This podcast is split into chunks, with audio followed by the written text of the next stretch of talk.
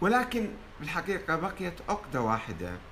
الآن كما قلت لكم قبل قليل الخلافات الشيعية السنية هذه خلافات منقرضة وبائدة وزائلة وغير موجودة حاليا. آه، لأنه لا يوجد لا أهل البيت ولا العباسيين ولا الأمويين ولا غيرهم. يوجد الآن شعوب إسلامية وتبحث عن حكام عادلين عن حكام منتخبين من من من بين الأمة الإسلامية.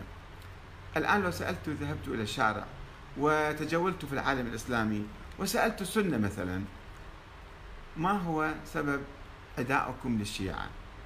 ما هي الملاحظات الرئيسية التي تأخذونها على الشيعة؟ لا يوجد خلاف سياسي مثلا. يقولون لكم الشيعة أنا عملت استفتاء يعني.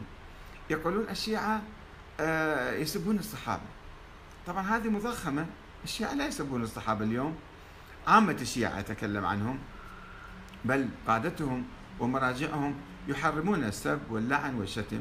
إلا بعض الشاذين المندسين العملاء المرتبطين بأجهزة استخبارات أجنبية من خلال الإذاعات ومحطات التلفزيون يحاولون إثارة الفتنة بهذا السب والشتم واللعن. وإلا عامة الشيعة اذهبوا إلى بلادهم اذهبوا إلى مساجدهم اذهبوا إلى مدارسهم ترونهم مشغولين بهمومهم المعاشية وهمومهم السياسية ولا يعني لا يجعلون هذا الشيء أمامهم السب والشتم واللعن وإنما لكن نكون صرحاء أيضا توجد في الثقافة الشيعية بعض المخلفات من القضايا من الخلافات السياسية القديمة. و آه، وهذا تعود إلى نظرية النص أنه النبي نص على الإمام علي في الخلافة في يوم الغدير وفي غير الغدير. طبعا في كلام كثير في هذا الموضوع ولكنهم يقولون أن النبي نص على الإمام علي بالخلافة. طيب ماذا آه، نستفيد من هذه الفكرة؟ لا شيء الآن. أئمة أهل البيت نعظمهم ونجلهم ونقدرهم ونحترمهم ونسير على خطهم. عندهم خط مميز في التاريخ الإسلامي في مقابل الخط الأموي خط الثورة والعدل والمساواة وإحقاق الحق. هذا خط أهل البيت. وجوهر مذهب أهل البيت الذي يجب أن نتمسك به الآن نحن. سواء كانوا منصوص عليهم أو غير منصوص عليهم لا يهمنا شيء. هم قدوات هم أئمة ونجوم لامعة في سماء التاريخ. ولكن الغلو بهم يسبب المشاكل لنا الآن ويضر بالوحدة الإسلامية. كيف؟ نظرية النص. أنه النبي نص على الإمام علي. والآخرون طيب كيف الأمم آه، آه، أبو بكر جاء مثلا أصبح خليفة وعمر وعثمان يقولون نظرية النص تقتضي هذا الشيء أنه آه، هؤلاء اغتصبوا الخلافة. وانقلبوا على الإمام علي. مجرد كلام تاريخي ولكنه ماذا يترك آثار نفسية سلبية في نفوسنا؟ نحن نعظم الإمام علي ونحب الإمام علي وعندما نسمع واحد أحدا يقول بأن آه، هؤلاء الصحابة آه، انقلبوا على الإمام علي واغتصبوا حقه بالخلافة. طيب ألم تكن هناك نصوص؟ يقولون نعم كانت توجد نصوص حديث الغدير وغيره. طيب هؤلاء الصحابة لم يسمعوا حديث الغدير لم يعرفوا حديث الغدير يقولون نعم عرفوا ولكنهم ارتدوا ولكنهم انقلبوا ولكنهم نافقوا ولكنهم تركوا هذا الحديث. هذا الجدل الطائفي العقيم يسبب لنا أو لبعض الناس المتشددين المتطرفين أن يقولون هؤلاء لم يكونوا مؤمنين هؤلاء كانوا منافقين ومن هنا يبدأ السب واللعن والشتم. وطبعا تتطور القصة إلى حكاية أنه إجبار الإمام علي على الخلافة على بيعة أبي بكر وعلى اقتحام بيت الزهراء وعلى آه، إشعال النار في بابها وكسر ضلعها وعصر وعصرها بين الباب وكذا وكذا. وتبدأ القصة تتطور تتطور إلى أن تصبح عقدة كما هي عند بعض الناس. عقدة تسبب اللعن والسب والشتم. ماذا يترتب عليها؟ البعض يقول هذه عقيدتنا نحن أحرار بأن نؤمن بما نشاء نعم ولكن أنت عندما تغالي وتتطرف وتقوم باللعن والسب والشتم مثل هذا السبع اللعان اللي قاعد في لندن فهذا يسبب ردود فعل عليك وعلى الأمة وعلى المجتمع الشيعي راح الآخرون آه، بقية المسلمين الذين يقدسون ويعظمون هؤلاء الصحابة باعتبارهم صحابة رسول الله باعتبارهم خلفاء راشدين. أنت تجي تسبهم وشتمهم سوف يكرهونك سوف يعادونك سوف يحاربونك سوف يفجرونك أيضا. والمتطرفون من السنة طبعا سوف يأتون ويفعلون ما يشاء ويحدث الشقاق في الأمة الإسلامية.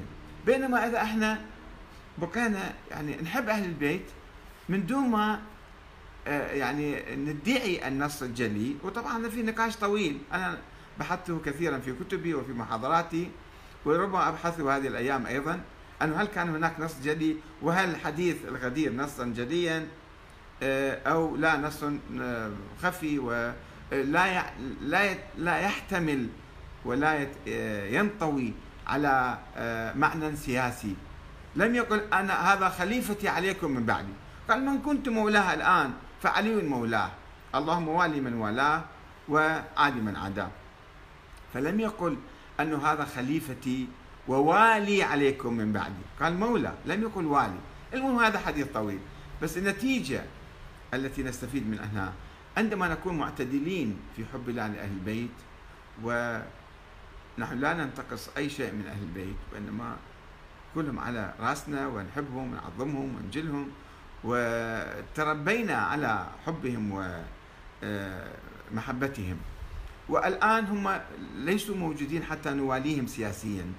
إنما مثلا مجرد مسائل فقهية واردتنا عنهم بعض المسائل الفقهية. والخط السياسي الخط السياسي لأهل البيت كون للظالم خصما وللمظلوم عونا. هذا الخط إحنا تاركين عامة الشيعة اليوم مو عامة لا أقول عامة الشيعة ولكن بعض. الناس. تاركين هذا الخط لا ينصرون المظلومين ولا يعادون الظالمين يرحبون بالاحتلال مثلا ولا يهتمون بمقاومة الاحتلال بعض الناس ويتمسكون بهذا الحديث على أنه هذا عيد. نريد أن نحول يوم الغدير إلى عيد. وهي الأعياد بالإسلام عيدين فقط عندنا عيد الفطر وعيد آه، الأضحى. ولا يوجد شيء اسمه عيد الغدير لا, لا النبي صرح به ولا أهل البيت قالوا ذلك. إنما أحاديث مكذوبة عليهم طبعا.